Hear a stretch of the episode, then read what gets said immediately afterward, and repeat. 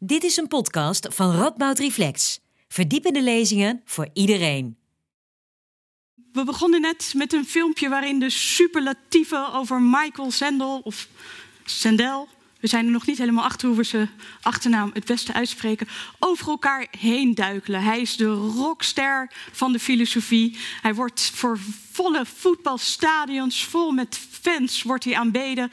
Als hij daar uiteindelijk als filosoof, politiek filosoof, ethicus, uh, spreekt over wat het goede is in het leven. Een eeuwenoude filosofische basisvraag. En Michael Sandel lukt het om daar duizenden tienduizenden, honderdduizenden mensen warm voor te krijgen en die heel graag naar hem komen luisteren. Nou, we zijn dan ook uh, super trots als Radboud Universiteit dat we op 9 mei Michael Zendel in Nijmegen in de vereniging uh, mogen ontvangen. Hij ontvangt dan een eredoctoraat van de faculteit Filosofie, Theologie en Religiewetenschappen in het kader van het 100-jarig bestaan van de Radboud Universiteit. Uh, heel speciaal dat hij naar Nijmegen komt. Um, maar waarom is hij nou eigenlijk zo populair? Dat is eigenlijk waar we vanavond achter gaan proberen te komen. Degene die ons dat gaat vertellen, uh, die ons gaat vertellen over het werk en het denken van Michael Zendel, is ethicus uh, Marcel Becker. Hij geeft een uh, lezing over het werk van Michael Zendel. En daarna ga ik kort met hem in gesprek en is er ruimte voor jullie om vragen te stellen. Ik ben Anoute de Groot, ik ben directeur programmering van Radboud Reflect. Um, we stoppen ongeveer om kwart over negen. En ik wens jullie vooral een hele fijne en een interessante avond. En uh, als het goed is, weten we aan het eind van de avond waar zijn populariteit eigenlijk vandaan komt en wat nou eigenlijk het geheim is van Michael Zendel. Ik wens jullie heel veel plezier en ik geef graag het woord aan Marcel Becker.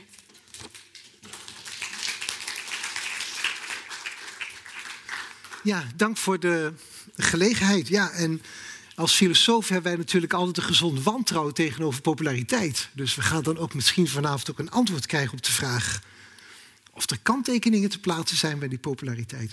Wie weet. Goed, nou, hoe, hoe gaan wij dat doen? Via welke onderdelen gaan we dat bekijken? Eh, ik wil wel beginnen met wat biografische gegevens. Wat voor iemand is het eigenlijk? Wat zijn de achtergronden? Dan gaan we naar zijn opkomst. Waar moeten we hem filosofisch plaatsen? Dan ga ik toe naar het werk wat ik beschouw als zijn meest markante publieks boek. Hij heeft meer markante publieksboeken geschreven, maar dit is wel een die er, wat mij betreft, uitspringt. En dan een andere thematiek waar hij zich publiekelijk ook veel en mooi toegankelijk over heeft uitgelaten, is het marktdenken en de problemen daarvan. En tenslotte zal ik in ieder geval de vraag beantwoorden: waar komt zijn populariteit vandaan? Wat is het toch wat hem als publieksfilosoof zo goed maakt? Want het is natuurlijk wel een beetje jaloersmakend als filosoof wanneer je ziet dat een collega dit voor elkaar krijgt met volle voetbalstadions en zo. Dat zouden wij willen als Radboud Reflex. Nou, 9 mei in de vereniging hebben wij als Radboud Reflex een, een, een goed, goed gevulde zaal. Maar toch eerst even, waar is het om begonnen? Anuta zei het al, het eredoctoraat. We hebben als universiteit, universiteiten hebben de, uh, hebben de, de, de gewoonte om bij gelegenheden, vaak ook bij gelegenheid van hun geboortejaar, de viering daarvan, eredoctoraten uit te uh, geven. En die eredoctoraten van de Nijmeegse Universiteit, die mogen er wezen. Kijk, je kunt je bij eredoctoraten altijd een beetje afvragen, straalt de glans van de universiteit af op de gedoctoreerden? Of straalt ook een beetje de glans van de gedoctoreerde af op de universiteit? Nou, daar mag je zelf een oordeel over hebben. Even laten we even kijken in welk illustre gezelschap Michael Sandel uh, komt. En ook hoe veelzijdig dat gezelschap is. Adriaan van Dis, hebt u herkend? Onze huidige minister van Onderwijs. Toen was hij nog geen minister van Onderwijs. Toen was hij gewoon wetenschapper ergens in Amerika en in Nederland. Mevrouw Angela Merkel is een keer naar Nijmegen gekomen in de Stevenskerk om daar eredoctoraat, oh, eredoctor uh, te worden. Uh, zij, was, zij werd op dat ogenblik omschreven als de machtigste vrouw van de wereld. Uh, Job Cohen, naast burgemeester van Amsterdam, eerder ook rector van de Maastrichtse Universiteit geweest. En uh, ook tot voor kort hoogleraar in Leiden, een aantal jaren.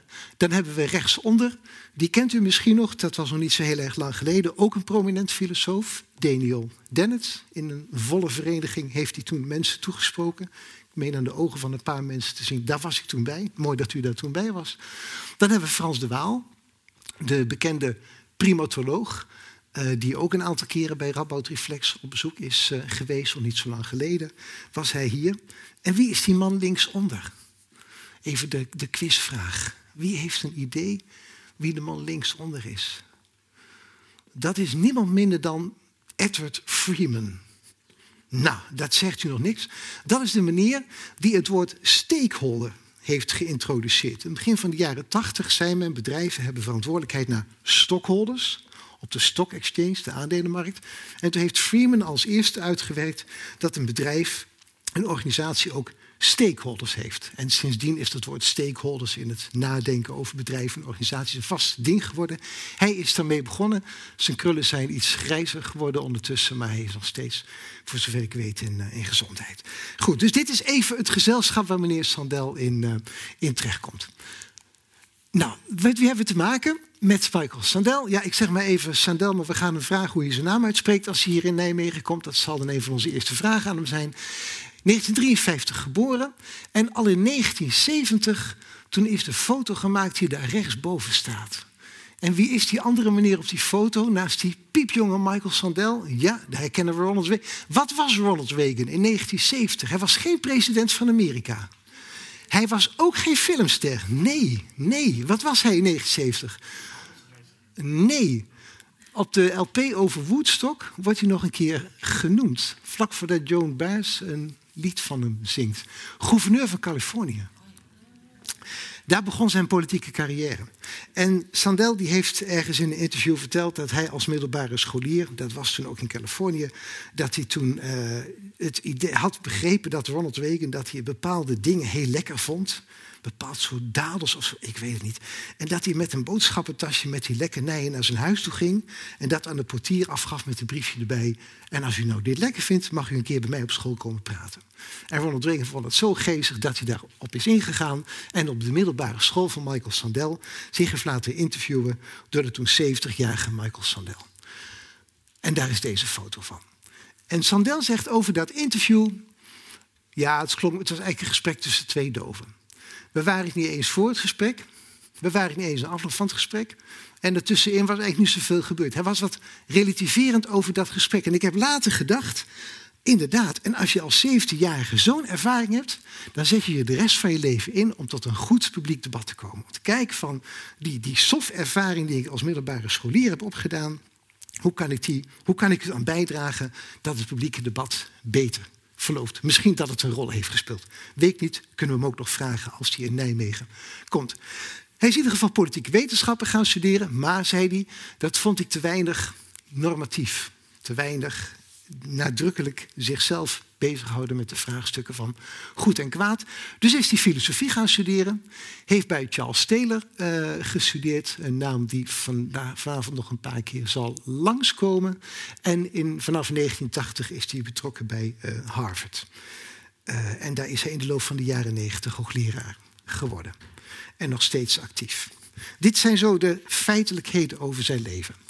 Dan gaan we naar het filosofisch stukje. Hoe moeten we hem filosofisch plaatsen? Nou, dat wilde ik als volgt doen door te wijzen op een uh, explosie van, of, of een, op een bijzondere aantal gebeurtenissen in het begin van de jaren tachtig in de wijsbegeerte. Maar om dat uit te leggen moet ik eerst even kijken hoe begin jaren tachtig in de jaar, ik zeg wijsbegeerte, maar ik bedoel eigenlijk de ethiek, hoe daar de situatie was. De situatie was dat als je aan ethiek deed, en ethiek was nog lang niet zo populair als nu, uh, men praatte over politieke filosofie en debatten over het marxisme waren heel erg in, maar dat was politieke filosofie. Men praatte over het existentialisme als het ging om hoe mensen hun leven moeten inrichten. Sartre was een filosoof die heel erg populair was in die tijd, maar specifiek ethiek, het nadenken over ethische normatieve vraagstukken, dat was academisch niet eens zo spannend. Daar gebeurde niet heel erg veel. En het was ook wel logisch, want eigenlijk waren er maar twee belangrijke ethische theorieën als het ging om maatschappelijke vraagstukken. De ene ethische theorie is het utilisme. En voor de mensen onder u die niet weten wat utilisme is, nou dat is vrij snel uit te leggen. Utilisme is dat je kijkt bij een handeling wat de gevolgen van die handeling zijn, dat je die gevolgen in kaart brengt en dat je de handeling met de beste gevolgen, dat dat de beste handeling is. Nou, het is even heel erg kort door de bocht, maar het utilisme is ook een beetje een kort door de bocht ethische theorie, wordt wel gezegd. In ieder geval, kijken naar de gevolgen van handelingen en vooral voor beleidsmakers is het utilisme een hele interessante ethische theorie. Want gewoon uh, zaken op een weegschaaltje leggen en dan kijken wat uiteindelijk het beste uitpakt voor de samenleving als geheel. Dat is één ethische strategie. En het andere, dat was dat ingewikkelde, dat was een, dat was een theorie die is ontwikkeld door John Rawls. John Rawls was in de jaren zeventig gewoon het, de zware jongen, om het zo te zeggen, als het ging over nadenken over ethiek in de samenleving. Want wat is, uh, en hoe zit die theorie van John Rawls in elkaar? Nou, even heel kort. Uh, het, de vraag die John Rawls centraal stelt is: hoe kunnen we goed nadenken over principes in de samenleving, gezien het feit dat we altijd een eigen positie hebben in die samenleving? Als u aan mij vraagt of morgen de salarissen van universitair hoofddocenten verdubbeld moeten worden, dan ben ik wel genegen om daar ja op te zeggen. Ja, maar als ik aan studenten vraag of met ingang van morgen de, salaris, de, de, de, de beurzen van studenten verdeeld moeten worden, dan zal menig student zeggen: ja, dat vind ik eigenlijk wel een goed idee. Kortom, ons nadenken over wat rechtvaardig is, het gaat over rechtvaardigheid, is altijd bepaald door de positie die we in de samenleving innemen. Nou, altijd, meestal is dat zo. Hoe kunnen we nu nadenken over vraagstukken terwijl we ons wat losmaken van die positie waar we in zitten? Nou, zegt Vos.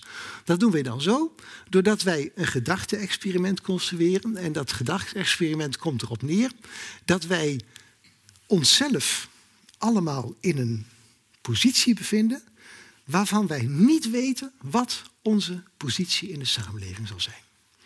En die positie omschrijft hij als de original position. Dus u weet niet wat uw positie in de samenleving zal zijn. En dan mag u zeggen wat volgens u rechtvaardige principes zijn voor die samenleving.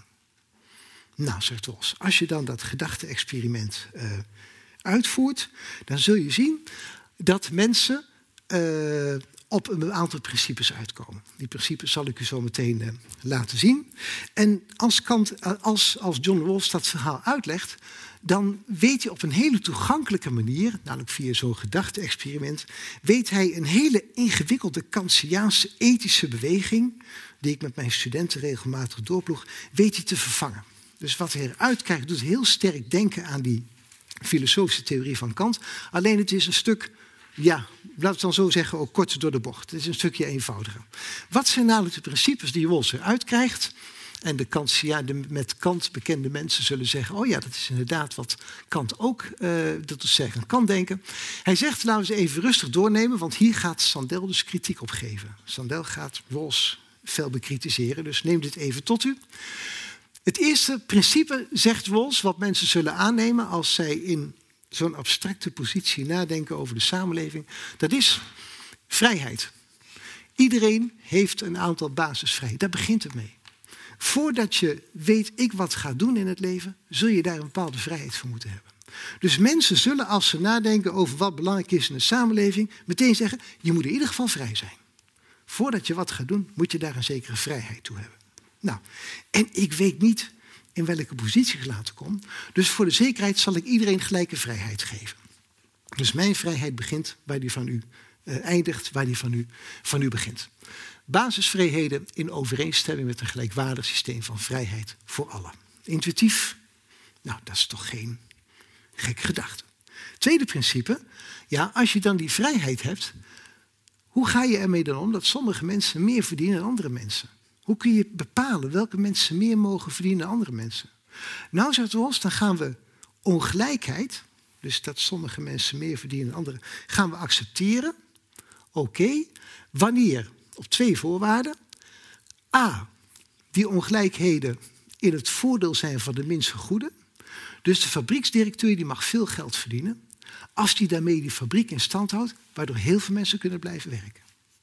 Dus dat de fabrieksdirecteur goed verdient, dat komt heel veel mensen in de samenleving ten goede. Tweede voorwaarde, waaronder die ongelijkheid er kan zijn. De ongelijkheden zijn verbonden met functies en betrekkingen die voor ieder openstaan. Dus zeker is het zo dat chirurgen meer verdienen dan andere mensen. Maar iedereen die dat kan, moet ook in de gelegenheid worden gesteld om chirurg te worden. Als je een beetje handigheid hebt, en een goed stel hersens moet je ook in staat zijn om te studeren, om dan chirurg te worden en veel te verdienen. Dus ongelijkheid is er wel, maar die ongelijkheid is zo ingericht dat de mensen onderaan de samenleving de profijt van hebben. En is ook zo ingericht dat we allemaal in principe bij die bovenste laag kunnen komen. Nou, dit is een theoretisch kader waar Rawls heeft daar twintig jaar over gedaan om dat te ontwikkelen. In de jaren 50 zwerven deze principes al rond in zijn werk. Maar in 1971 lag dat boek van hem, Een Theorie van Rechtvaardigheid, lag daar. En dat was zo'n zwaar boek dat de hele jaren 70 met het utilisme dat debat over door Rawls werd gedomineerd. Dus eigenlijk was ethicus zijn in de jaren 70 buitengewoon saai. Ik kan me voorstellen dat het niet zo'n populaire studierichting was. Want ja, je had twee smaken. En je was voor het ene, je was voor het ander. Nou, dat, dat, zo, zo was dat toen. Uh, maar toen kwamen de jaren 80. En de jaren 80 brachten in twee jaar tijd, als je kijkt naar de publicaties die uitkwamen, een explosie teweeg van wat er, er in de ethiek aan, aan de hand was. Vier sleutelwerken verschenen van vier grote denkers. En ik heb er vier ook toeval, dat is geen toeval, maar dat is even om aan te geven. Dat rechterrijtje, dat zijn de hoogleraren ethiek in Nijmegen de afgelopen 40 jaar. En die zijn ook te relateren aan wat er in het begin van de jaren 80 plaatsvond. En toen ik zelf begin jaren 80 in Nijmegen studeerde, had ik echt geen idee dat dit aan het gebeuren was. Dit gebeurde ook veel in Amerika, maar dat zijpelde nadat het in Amerika was gebeurd. Door in Europa en ook in Nederland. Laten we gewoon eens even doornemen en voor een aantal van u zullen daar momenten van herkenning zijn. Alice de McIntyre publiceerde in 1981 het boekje After Virtue. En daarin zegt hij, kijk, je kunt natuurlijk wel nadenken over principes in de samenleving. Hoe dingen verdeeld moeten worden. Dat we allemaal vrij moeten zijn. Maar zullen we ook eens in de ethiek nadenken over eigenschappen van mensen? Wat goede eigenschappen van mensen zijn. Karakterhoudingen deugden. Dat is toch veel interessanter, of dat is zo minstens zo interessant om na te denken als het gaat om ethische vraagstukken, wat goede ethische eigenschappen van mensen zijn, dan abstracte principes voor het samenleven. Nou was er een tijd geweest dat men veel over ethische goede eigenschappen van mensen nadacht. Maar dat was een beetje verwaterd onder dat principegeweld van Rawls en utilisme. Dus hij bracht plotseling een hele oude ethische theorie bracht hij weer in. En in Nederland is Paul van Tongeren tot voor kort denken des vaderlands, de Nijmeegse, toen hoogleraar ethiek in de jaren tachtig, die de deugdethiek introductie in Nederland de sterkste. Ja, die is daarmee mee begonnen. Ik was zelf bij Paul de eerste promovendus op het gebied van deugdethiek. Ik denk ook de eerste die op de deugdethiek met promotie is begonnen in Nederland. Maar niet de eerste die ook gepromoveerd is in de deugdethiek. Iemand anders was mij voor. Dus dat is één ding. Uh, een heel ander soort kritiek op Rawls, die kwam van Charles Taylor. En Charles Taylor die schreef een ethiek, die schreef een, die schreef een boek, een artikel in dat jaar, 81, The Concept of a Person, waarin hij een snijdende kritiek leverde op het utilisme. Niet primair op Rawls, maar vooral op het utilisme. Omdat hij zei, ja, het utilisme gaat ervan uit dat mensen naar plezier streven en dat de handeling die uiteindelijk het meeste plezier geeft, dat die de beste handeling is, die tot het meeste plezier in de gemeenschap, in de groep mensen leidt, de beste handeling voor die groep mensen. Maar ja, je hebt zoveel soorten plezier.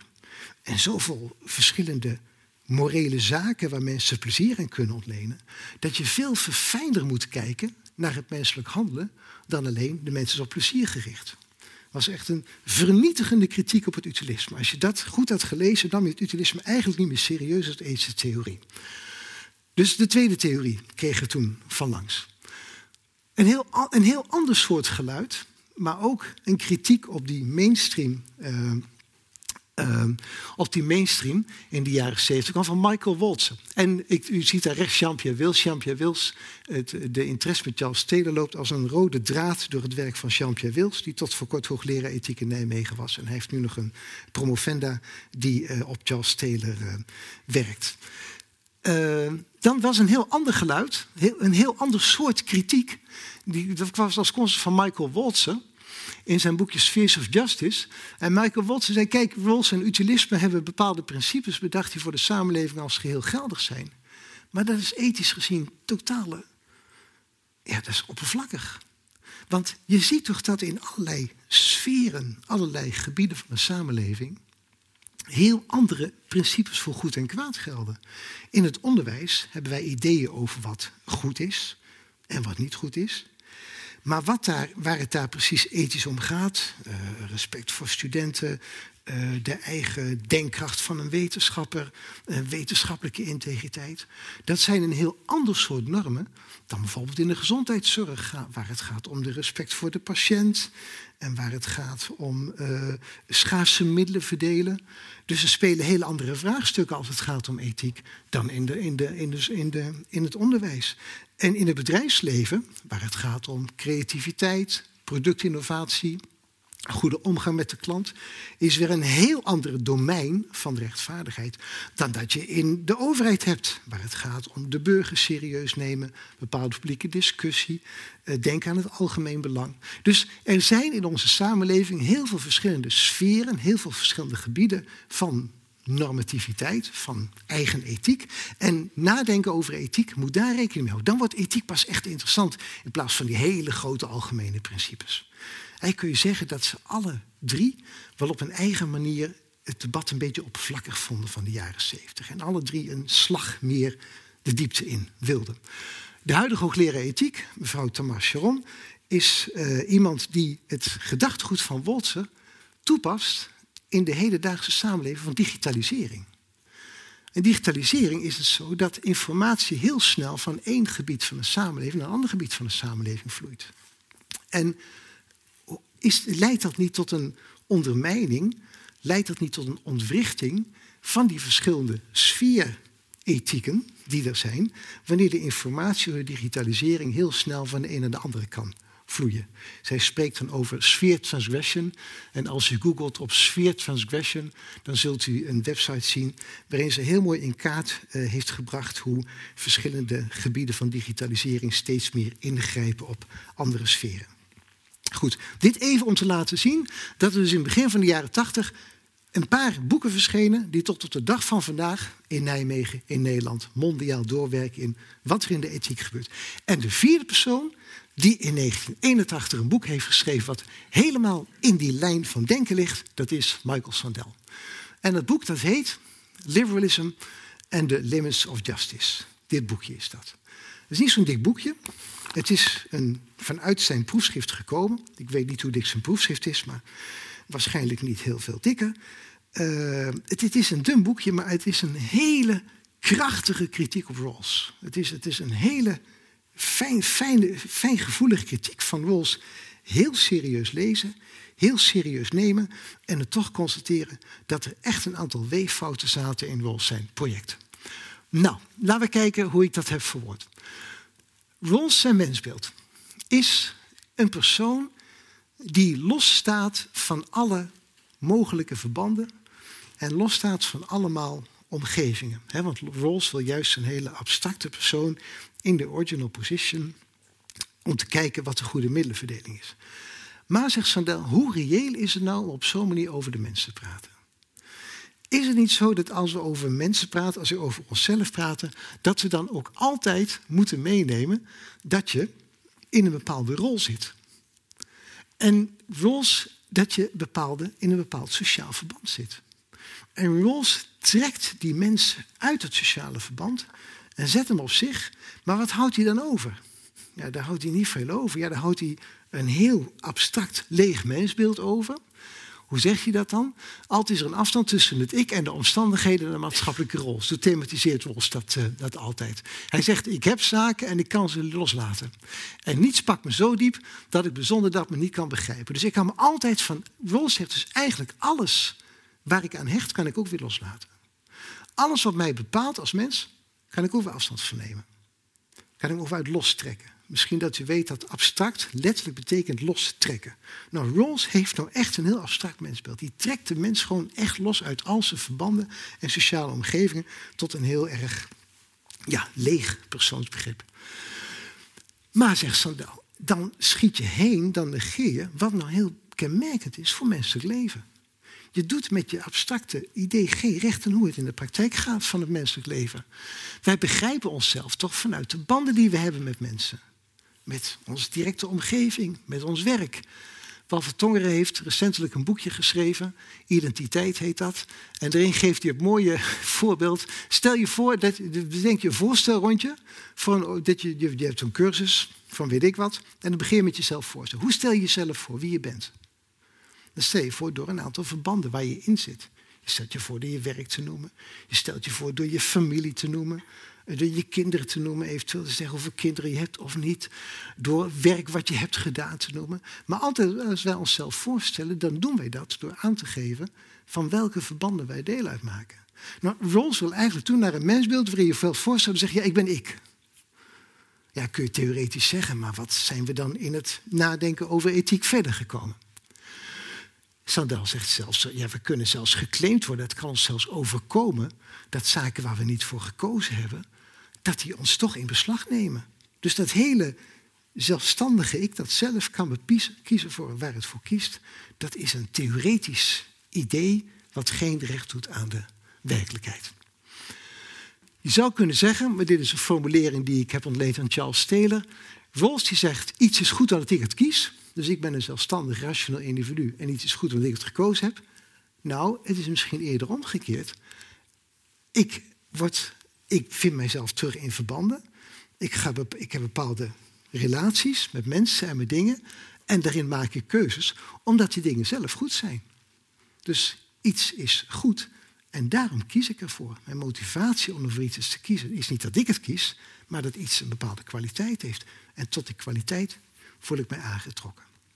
Dus dat is zijn commentaar op het hele, ja, je zou kunnen zeggen, individualistische, rationele mensbeeld van, uh, van Rawls. Tweede kritiekpunt op Rawls, dat Rawls die doet iets raars tussen die twee principes. Laten we ze er even bij halen. Kijk, in het eerste principe zegt Rawls, we zijn helemaal vrij. In het tweede principe zegt hij, ja, maar ongelijkheden moeten wel een beetje netjes verdeeld worden. Wat denkt hij dus in het tweede principe? En het tweede principe veronderstelt hij dat er een soort solidariteit is tussen mensen. Dat er bepaalde banden met elkaar hebben in de samenleving. Dat we accepteren dat als ik een goede positie heb, dat ik ook accepteer dat jij eventueel in die positie moet kunnen komen. Dat ik accepteer dat mijn goede positie, dat die ook jou ten goede komt. Dus in dat tweede principe zit eigenlijk ook solidariteit. Dat we met elkaar wat solidair zijn. Maar het eerste principe is helemaal een op zichzelf teruggeworpen individu dat in vrijheid is. Ah ja, dus het tweede principe veronderstelt iets wat in het eerste principe niet gedacht wordt. Dat is een beetje raar filosofisch. Je moffelt in dat tweede principe solidariteit in. Maar dat kan eigenlijk niet op basis van het eerste principe. Want het eerste principe zegt totale vrijheid. Nou, dat is een. Ik ben deze kritiek op deze niet vaak niet, niet zo tegengekomen bij Rawls. Dus ik vond het echt interessant filosofisch interessant dat Sandel dat uh, doet. Dat heb ik op deze slide heb ik dat, uh, neergezet. Het eerste principe gooit de banden weg, mensenvrijheid, die het tweede principe juist veronderstellen. Dat is zijn boek in de jaren tachtig. Dan publiceert hij een aantal geschriften waarin hij veel commentaar geeft op uh, de toestanden in, in Amerika, met name gebundeld in dit politiek en moraal. Uh, hij publiceert ook een aantal andere dingen. Maar zijn grootste publieksboek verschijnt in, in 2020. Dus we gaan echt even 39 jaar in de tijd verder stappen. En dat boek dat heet De Tyrannie, Tyrannie van Verdiensten.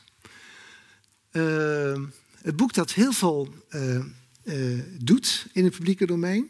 Ik hoop dat hij ook daar uitgebreid over komt te spreken als die 9 mei hier, uh, hier komt.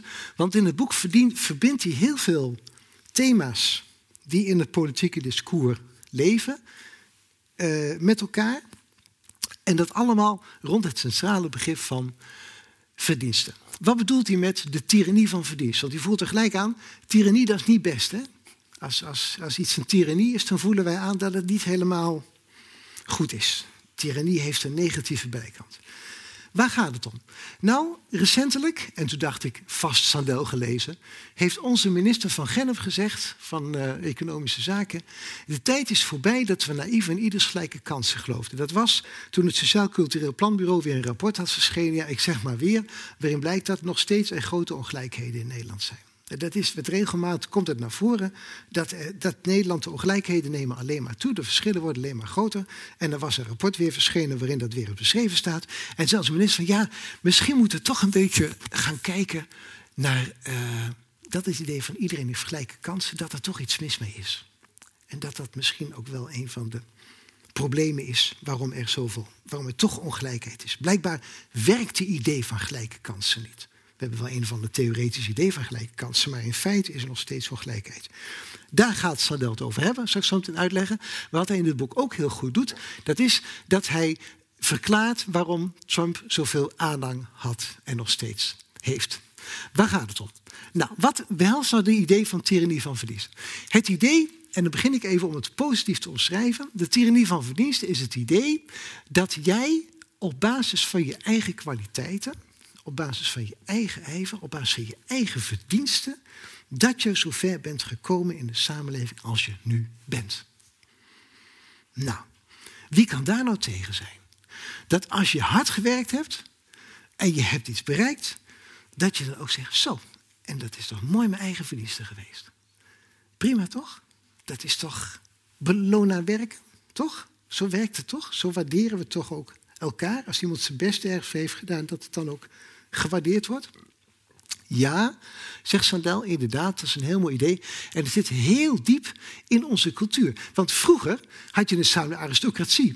En hoe was het in de aristocratische samenleving zo? Ja, toen was het zo dat je uh, vooral uh, uh, door je positie in de samenleving veel geld had. Het voor het zeggen had.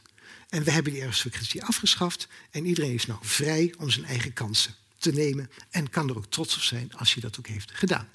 En dan zie je ook hoe Rawls in zijn vrijheidsbegrip dat heeft uitgewerkt. En je ziet ook in het christendom, Sandel besteedt er ook mooie passages aan, is ook gezegd met hard werken verdien je de genade. En Obama heeft ook letterlijk gezegd in zijn verkiezingsverhalen van als je hard werkt en je talenten benut, mag je van God verkomen. Nou, als Obama het vindt, dan is dat toch waar. Toch? Dus dat idee van iedereen hard werken. Hey, wij kennen de American Dream. Dit is het idee van de American Dream, wat hier zo mooi wordt gepresenteerd. Het gevolg is dan ook, hoe bepalen wij dan of iemand ver komt? Nou, door het enige wat we gemeenschappelijk hebben, dat is geld. Geld is dan de maat, de van alle dingen. Als je veel verdient, als je hoge status hebt, hard gewerkt, hoog op bent gekomen door je eigen verdiensten, mag je ook heel veel verdienen. Zo werkt het in American Dream. En natuurlijk moeten wij mensen gelijke kansen geven. Iedereen moet wel gelijke kansen hebben om dat te kunnen realiseren. En dat doen wij door iedereen goed onderwijs te bieden. Dus de Partij van de Vrijheid, de klassieke liberale partij van de gelijke kansen, is dus ook voor goed onderwijs. Want door onderwijs faciliteren we dat iedereen gelijke kansen krijgt. Tot zover de positieve kant van het ideaal. Nou gaan we naar de keerzijde, waardoor het een is geworden. Eerste keerzijde, het ideaal klopt niet. Het ideaal is gewoon principieel, is er een probleem. Want er is ook nog zoiets als toeval in het leven. En het blijkt gewoon dat mensen die uit gegoede milieus komen, in hun opvoeding al zoveel voor meekrijgen, dat het later heel moeilijk is, uh, is, uh, is recht te breien. En waar je geboren bent, dat is toeval. Dus het feit dat sommige mensen meer geluk hebben, gewoon, je kunt een casino binnenlopen en dan kun je zoveel geld verdienen dat je voor je leven. Dat is gewoon toeval. Maar het ideaal van gelijke kansen houdt gerekend met toeval, zegt iedereen, gewoon gelijke kansen hebben.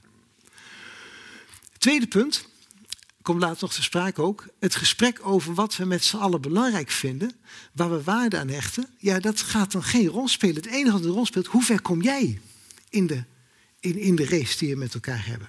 dat is het enige waar het over gaat. Wat jij hebt gepresteerd, wat jij bereikt en wat we met elkaar gemeenschappelijk hebben, komt in zo'n meritocratie helemaal niet aan bod. Is gewoon geen thema. Nee, het thema is geld. Het thema is, als je veel verdient, als je goed gepresteerd dan, dan mag je, als je veel verdient in de... Het woordje verdienen zegt het al. Als je door je eigen verdiensten veel hebt verdiend, dan mag je ook veel geld verdienen. Zo werkt het dan. Geld is de maat van alle dingen. Terwijl, zegt Sandel, ja, intuïtief voelen we dat aan, dat natuurlijk verschrikkelijk is. Want dan wijs je op een grote casinobaas in de VS die duizend keer zo verdient, veel verdient als een zorgmedewerker. Maar we vinden casinos niet duizend keer zo. Dus we voelen al dat door die centrale plaats van geld en die idee van verdiensten, dat er iets mis aan het gaan eh, is. Principieel, het klopt gewoon niet. De tweede reden, en daar is Sandels boek gewoon heel erg sterk, omdat hij gewoon dat met heel veel feiten ondersteunt. Het bestaat feitelijk niet. Het werkt gewoon niet zo dat iedereen gelijke kansen heeft in Amerika. En dan laat hij onthutsende cijfers zien van dat in Amerika is er minder intergenerationele mobiliteit dan in China. U kunt zich iets voorstellen bij intergenerationele mobiliteit. Dat is dat de kinderen iets anders doen iets hogers doen dan de ouders. Dat je dus als individu gelijke kansen kunt hebben. Nou, in Amerika gebeurt dat minder snel, dat mensen uit een eigen groepering komen en zichzelf verder zelfstandig ontwikkelen los van de ouders, dan vergeleken met eh, China. En Sandel zegt zelfs, de American Dream bestaat wel, maar dan in Denemarken. En er zijn allerlei onderzoeken die dat ook, uh, die dat ook bevestigen. Dus het ideaal van de meritocratie, van die gelijke kansen. Dat werkt gewoon niet in Amerika. Bovendien zegt hij, in het verlengde van het ideaal komen er een aantal hele onaangename misstanden. Want wat willen wij met onderwijs? Oké, onderwijs is belangrijk. Wat wordt dus belangrijk? Dat wij in universiteiten kunnen gaan studeren. En die universiteiten, wie gaan er vooral studeren? Hoe werkt dat? Mensen die daar veel geld voor over hebben. En dan geeft hij voorbeelden van kinderen van rijke ouders die niet zo goed kunnen sporten. Maar doordat die rijke ouder heel aardig is voor die sportcoach en wat geld en zo, het sportteam steunt, dan mag dat kind toch mee in dat hockeyteam van de Amerikaanse zodat hij ook een Amerikaanse universiteit kan gaan studeren. Dus die, die, die plek wordt gewoon gekocht. Of dat uh, mensen een, eh, op een, dat een universiteit bepaalde plaatsen inruimt voor kinderen van goede donateurs. Ja, maar dat is nou precies tegen die meritocratie. Dat is nou juist een bevestiging van bestaande structuren. Dat de kinderen van rijke ouders meer kans hebben op goed onderwijs. Dus die nadruk op onderwijs leidt ertoe dat mensen onderwijsplaatsen willen kopen. En dat gaat precies in tegen die meritocratie. Bovendien zegt hij, daar is hij vrij fel in, dat die hele idee van diploma's en kennis en wetenschap, ja, dat is een ander soort kennis dan kennis die nodig is voor een publiek debat. De mensen die hoog afstuderen aan Amerikaanse universiteiten en die heel goed in een vak zijn, zijn niet per se de mensen die in het publiek debat ook goed kunnen voeren. Die in het publiek debat ook goed kunnen functioneren. En het feit dat in allerlei vertegenwoordigende organen vooral hoogopgeleiden zitten, zegt misschien ook wel dat bepaalde klanken in het publieke debat in die organen niet meer gehoord worden. En dat ontwricht het publieke debat. Maar tot slot, en dan komt Trump om de hoek kijken, de mensen die het nou niet hebben gered in de meritocratie, de mensen die dus onderaan de samenleving zitten, en dat zijn er heel veel. Wat is de psychologie van die mensen? De psychologie van die mensen is dat eigenlijk tegen ze wordt gezegd: jij bent een loser. Je hebt de kans gehad, je hebt er niet gegrepen. Dus eigenlijk zegt de meritocratie tegen de winnaars, tegen de mensen die verdiensten hebben, prima. En tegen de mensen die geen verdiensten hebben, je bent een loser. En wat doet dat met mensen onderaan de samenleving als ze te horen krijgen dat ze door hun eigen schuld onderaan de samenleving zitten?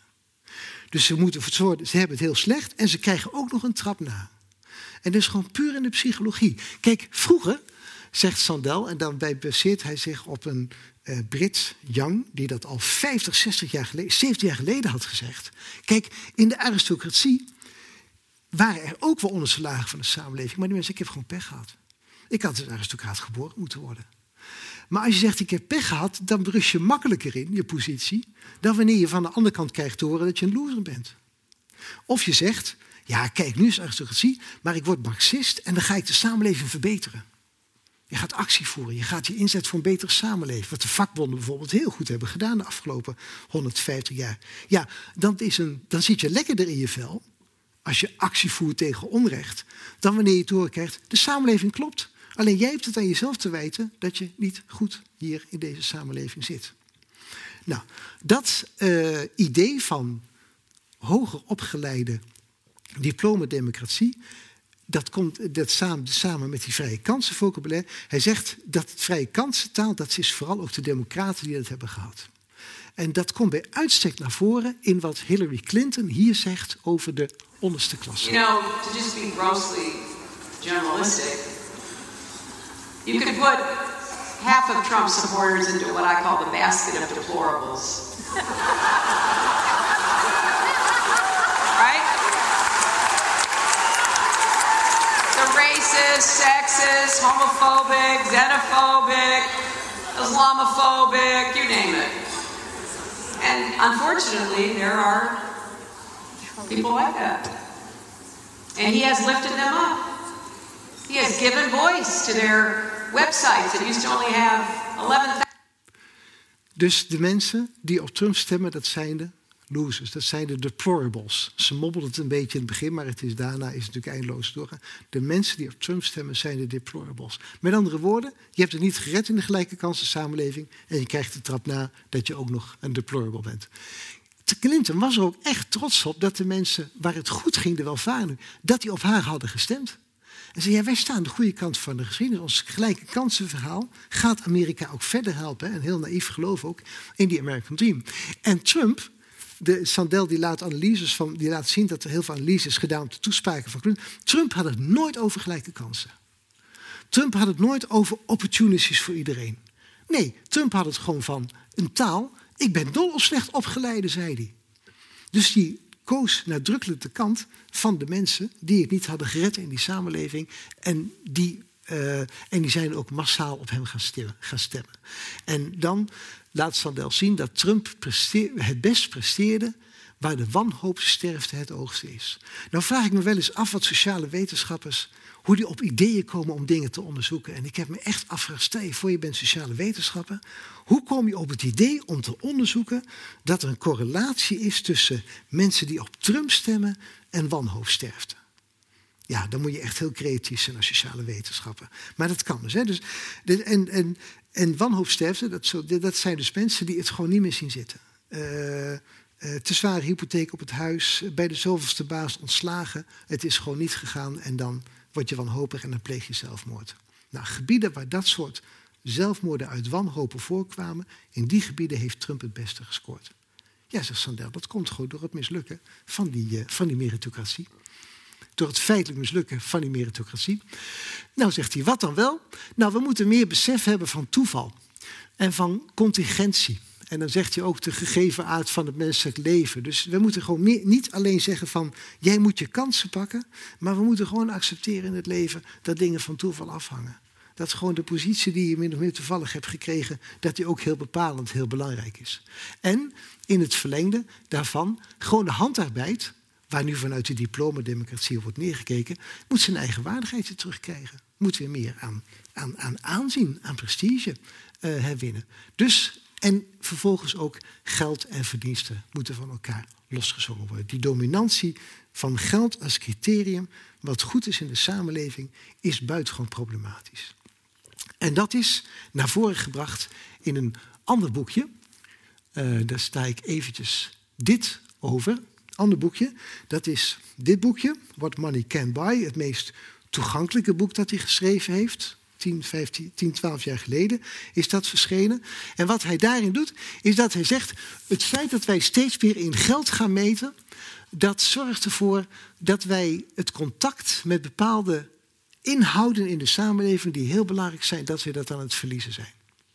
Geld corrumpeert de goederen die er zijn. Waarom, wat bedoelt hij daarmee? Wat bedoelt hij daarmee? Kijk, je kunt zeggen, als geld heel belangrijk is, dan hebben de rijkere mensen, die hebben dan meer voor het zeggen dan de armere mensen. Want de rijkere mensen kunnen meer dingen kopen. Wat we net hadden met onderwijs bijvoorbeeld. Maar dat is in dit geval Sandel zijn punt niet. Zijn punt is dat als wij geld alles laten bepalen, dat dan, ik kan het niet anders uitdrukken, de eigen aard van goederen, dat die ook geen recht wordt gedaan. Dat die corrumpeert. Voorbeeldje, Bruce Springsteen. Wat doet Bruce Springsteen? Bruce Springsteen die heeft het, het uitgangspunt dat hij kaartjes voor zijn concerten zo laag mogelijk houdt. Dat hij, dat hij geen hoge, extreem hoge prijzen vraagt. Dat doet hij vanuit een bepaald principe. Iedereen moet naar mijn concerten kunnen komen. Wat gebeurt er nou? Lange rijen. Nou ja, de mensen die dus bereid zijn om voor Bruce Springsteen lang in de rij te staan, hebben de mooiste kans op een concert. Wat doen nou rijke Amerikanen? Die pakken een dakloze van straat en zeggen: Ga even voor mij in de rij staan, krijg je geld voor. Dus die rijke Amerikaan koopt met zijn geld het kaartje voor Bruce Springsteen. Principieel punt: dat idee van Bruce Springsteen, iedereen moet bij mijn concert kunnen komen, is kapot. Geld maakt Bruce Springsteen zijn principe kapot. Ander voorbeeldje. Wij verkopen van alles en nog wat op de markt. Hij geeft ook eindeloos veel voorbeelden van. En hij zegt, daar ken je rare dingen. Dat hele privévoorwerpen van mensen, met een celebrity, is zoveel jaar dood en er wordt er geveild. Tot ondergoed en weet ik wat er allemaal aan toe van een celebrity. Iets wat heel privé wordt, wordt plotseling heel publiek. Gewoon dat het geld opbrengt. Maar ook, zegt hij een ander voorbeeld, soms dan gebeurt het. Vorige week was er nog, maar welke schilderij was dat? Een schilderij werd verkocht voor heel veel geld aan een particuliere eigenaar. Eigenlijk zijn die schilderijen publiek goed. Je zou willen dat ze in een museum komen te hangen, iedereen er kan kijken. Maar doordat het geld zo belangrijk wordt in de handel om schilderijen, zijn ze geen publiek goed meer, maar zijn ze in private handen terechtgekomen. Dus geld corrumpeert ook, maakt ook kapot. Wat ooit privé is, wordt plots publiek. En wat eigen publiek zou moeten zijn, wordt tot de privésfeer teruggebracht. Bovendien laat hij zien dat ook in de, in de economie heel veel wordt afgespeculeerd. Maar omwille van de tijd laat ik, dat maar even, laat ik dat maar even zitten. We gaan even naar het volgende thema, het laatste stukje. Namelijk hoe hij, waarom hij zo'n goed publieksfilosoof is. Nou, dat is wat ik nou net wat, wat ik had beloofd aan het begin van mijn lezing, wat ik toch even zou zeggen. Waarom is hij zo'n goeie? Waarom, is hij zo goed? Nou, ik vind hem. Uh, bijzonder goed in het heel ingewikkeld, in het heel helder en toegankelijk uh, verwoorden van hele ingewikkelde kwesties. Met een voorbeeldje, met een heldere schets. De, de heer pleidooi tegen volmaaktheid. Een boekje over, uh, dat is naar aanleiding van, uh, over stamcelonderzoek, op embryonaal stamcelonderzoek. Een heel ingewikkeld medisch-ethisch debat. En hij weet daar met een paar bewegingen weet hij hele ingewikkelde kwesties heel helder te verwoorden, zonder dat je hebt dat hij aan het simplificeren is. Dat je dingen eenvoudiger is, maakt dan ze zijn. Dus hij gaat, het is echt mooie, krachtige denkbewegingen op een extreem heldere, mooie, extreem heldere manier gepresenteerd. Dan verdien je het om een goed publieksfilosoof eh, te zijn. Ik heb daar ook even zijn werken neergelegd om een beeld te geven. Hij is niet een groot filosoof in de zin dat hij vreselijk veel gepubliceerd heeft paar maanden geleden gaf ik in deze zaal over Martin Noesbaum een verhaal. En toen had ik één AV, was ik kwijt met het noemen van boektitels die bij één uitgever waren verschenen. Dat was ik nog niet klaar. Nou, van die orde is, dit zijn zijn belangrijkste boeken. En meer heeft hij niet geschreven. Ja, dat bedoel ik niet denigerend, maar gewoon, ik ken collega's die meer hebben geschreven dan Sandel. Dus daar ligt zijn verdienste niet, maar zijn verdienste ligt dus, nou wat ik net zei, in het heel helder kunnen zijn.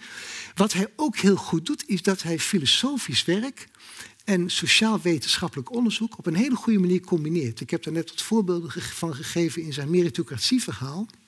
Dus hij weet heel goed in een filosofisch verhaal, wat is een meritocratische samenleving, heel veel relevante cijfers weet hij zo erin te weven, zeg maar. Dus dan kan hij heel goed de harde feitelijke kennis combineren met filosofische reflectie. Uh, en het basisidee, wat als een rode draad door zijn werk loopt en wat gewoon ook wel een, sterk punt is, door liberale invloed, ik heb de kritiek op Rawls genoemd, worden hele grote vraagstukken die met ethiek en waarde te maken hebben niet aangesneden. De substantie, de eigenlijke kern van die vraagstukken wordt niet geraakt. En als tot slot, tot slot daarvan nog een klein voorbeeldje, als het mag van een qua tijd. Ja, dat kan. Mooi. Uh, vrijheid van meningsuiting. De liberaal dus in de zin van iemand die gaat voor bepaalde vrijheidsprincipes in de samenleving. De liberaal zegt van ik ben voor vrijheid van meningsuiting. Iedereen vrijheid van meningsuiting. Maar nou hebben we de volgende twee situaties. Even naar Amerika. Rechtsboven een alt-right demonstratie. Die is gepland te lopen door een dorp, stadje, waar familieleden van Holocaust-overlevenden wonen. Vrijheid van meningsuiting moet kunnen. Ja, vrijheid van meningsuiting. Je mag demonstreren waar je wil. Ook extreme groeperingen moeten demonstreren. Rechtsonder. Martin Luther King, King. Waar ook wel veel groepen moeite mee hadden met zijn voor die tijd rebelse radicale boodschap. Ja, zegt de liberaal, vrijheidsmeningsuiting moet kunnen. Maar voor de liberaal zijn beide principes, zijn beide demonstraties gewoon helemaal gelijk. Vrijheid van meningsuiting moet kunnen. Terwijl Sandel zei van, maar kijk nou eventjes wat er nou op het goed staat. Een liberaal die wil niet oordelen over de inhoud van deze demonstratie. Nee, iedereen moet vrijheid van meningsuiting hebben. Maar dat is toch eigenlijk raar als je ziet dat rechtsboven bewust trapt op historische gevoeligheden. En dat rechtsonder iets doet wat in de Amerikaanse samenleving al lange tijd een beweging is voor emancipatie. Je kunt toch niet zeggen, ja, allebei vrijheid van meningsuiting. En dat is het einde van het debat. Nou, dat is wat hij heel veel doet. En zeker weten dat hij in Nijmegen in de vereniging die beweging ook zou uithalen. Er is een liberaal principe van vrijheid, van autonomie, van zelfstandigheid. Maar dat is niet het einde van het verhaal. Willen wij de morele kracht van wat er aan de hand is in de samenleving naar boven krijgen. En dan hebben we pas echt een goed publiek debat. Dan zullen we ook die achterliggende vraagstukken naar boven moeten krijgen. Uh, dat kan het gezonde verstand toch inzien. En daarin doet hij gewoon een beroep op ons vermogen als burgers van deze samenleving. Om gezond met elkaar te debatteren. Ik dank u voor uw aandacht.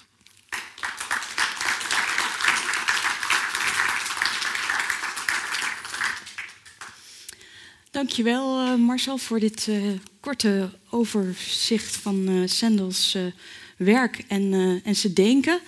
Um, ik zit even te denken waar ik wil beginnen, maar ik wil toch beginnen met. voor mij is Sendel een denker die om twee dingen belangrijk is, namelijk om de inhoud van zijn werk, waar jij het eigenlijk hier over hebt gehad, met inderdaad zijn twee grote publieksboeken over meritocratie en over dat alles uh, maar steeds in geld uit te drukken is en eigenlijk alles niet te koop zou moeten zijn.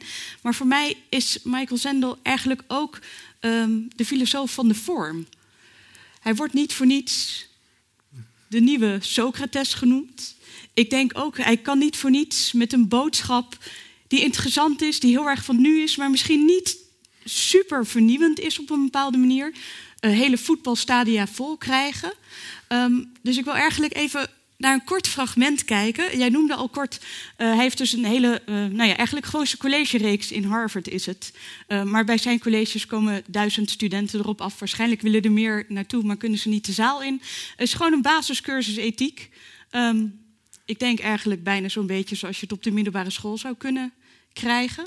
En ik wil een kort fragment laten zien uh, uit uh, een van die uh, cursussen, een van die lessen, die colleges, om een beetje te laten zien wat dan die vorm van Michael Sandel is.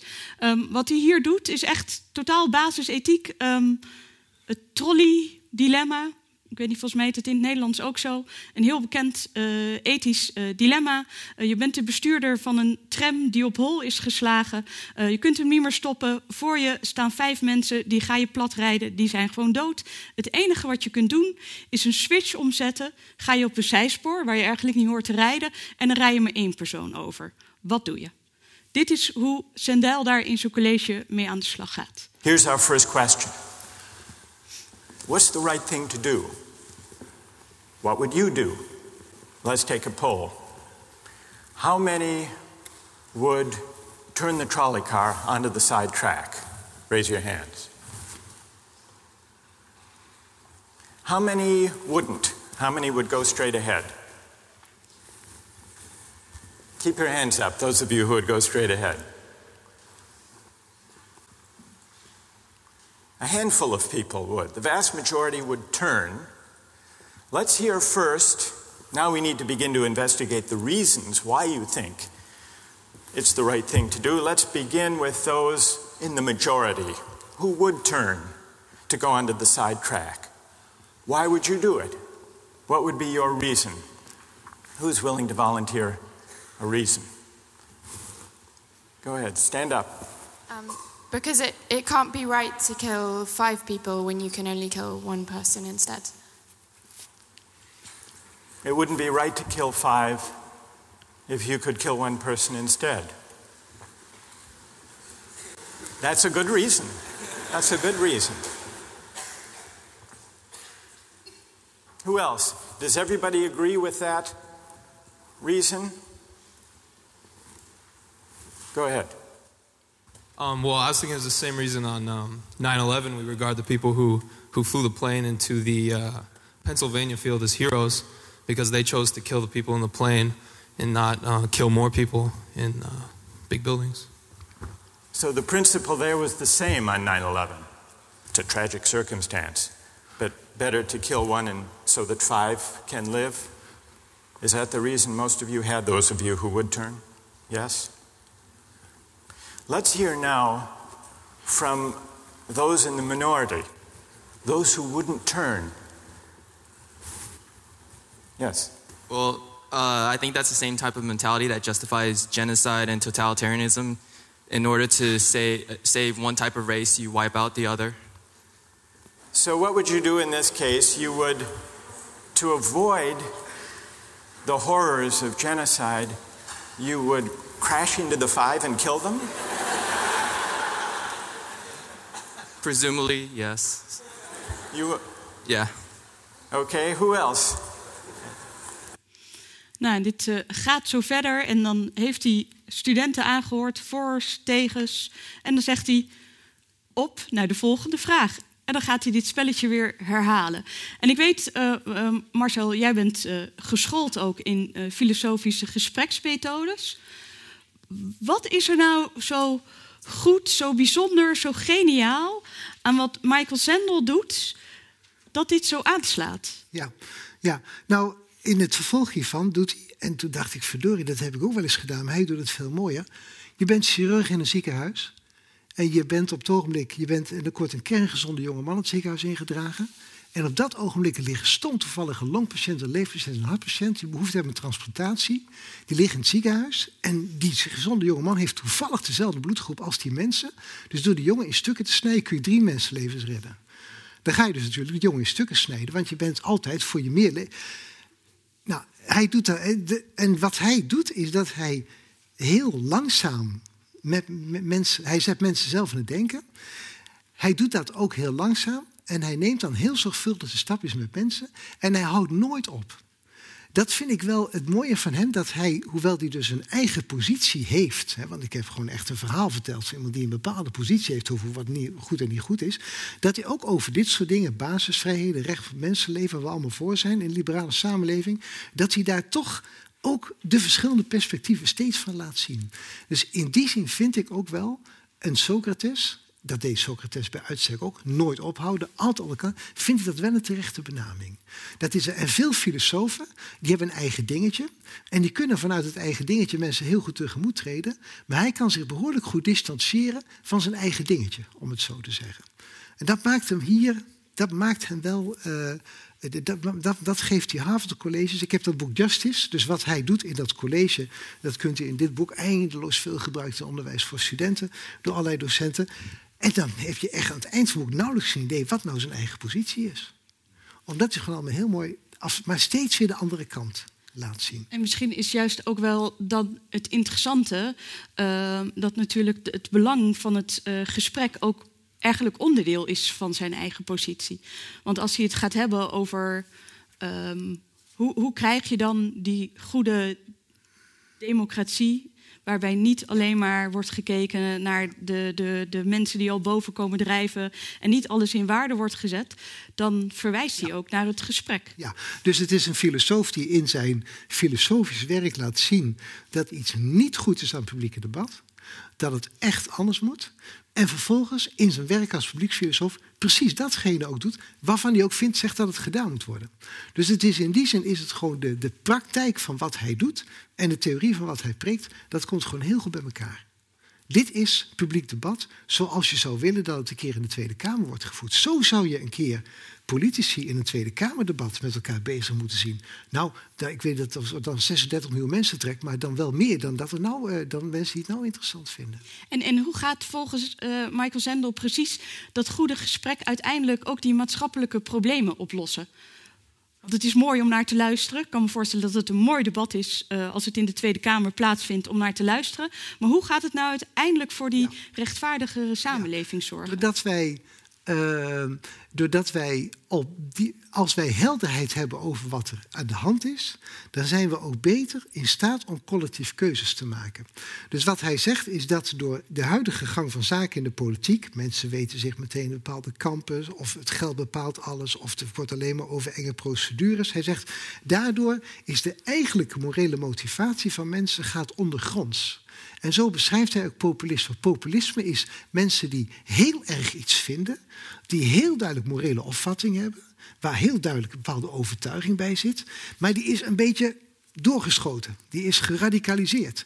Ja, zegt Sandel, dat krijg je als in het gewone publieke debat allemaal ideeën van mensen niet aan hun recht mogen komen, als ze niet aan bod kunnen komen, dan gaan ze ondergronds in allemaal extremen van het populisme. Haal ze weer bovengronds en dan denk ik, weet ik wel zeker, dat hij een goed vertrouwen heeft in het, in het rationele vermogens van mensen. Hij zegt, dat ook, zo kun je dan als samenleving met elkaar uitdiscussiëren, wat vinden we belangrijk, natuur of bepaalde vormen van agrarisch leven. Als je daar als samenleving met elkaar open en eerlijk over praat, dan kun je ook als samenleving, niet iedereen zal het ermee eens zijn, maar dan kun je ook als samenleving een bepaalde kant op gaan.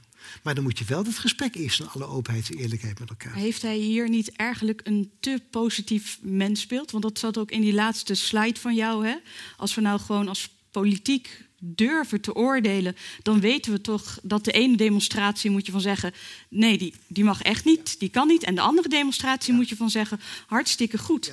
Is dat niet een beetje een naïef, te positief mensbeeld dat als je maar er goed voor gaat zitten, als je maar goed naar elkaar luistert, dan doe je wel het goede?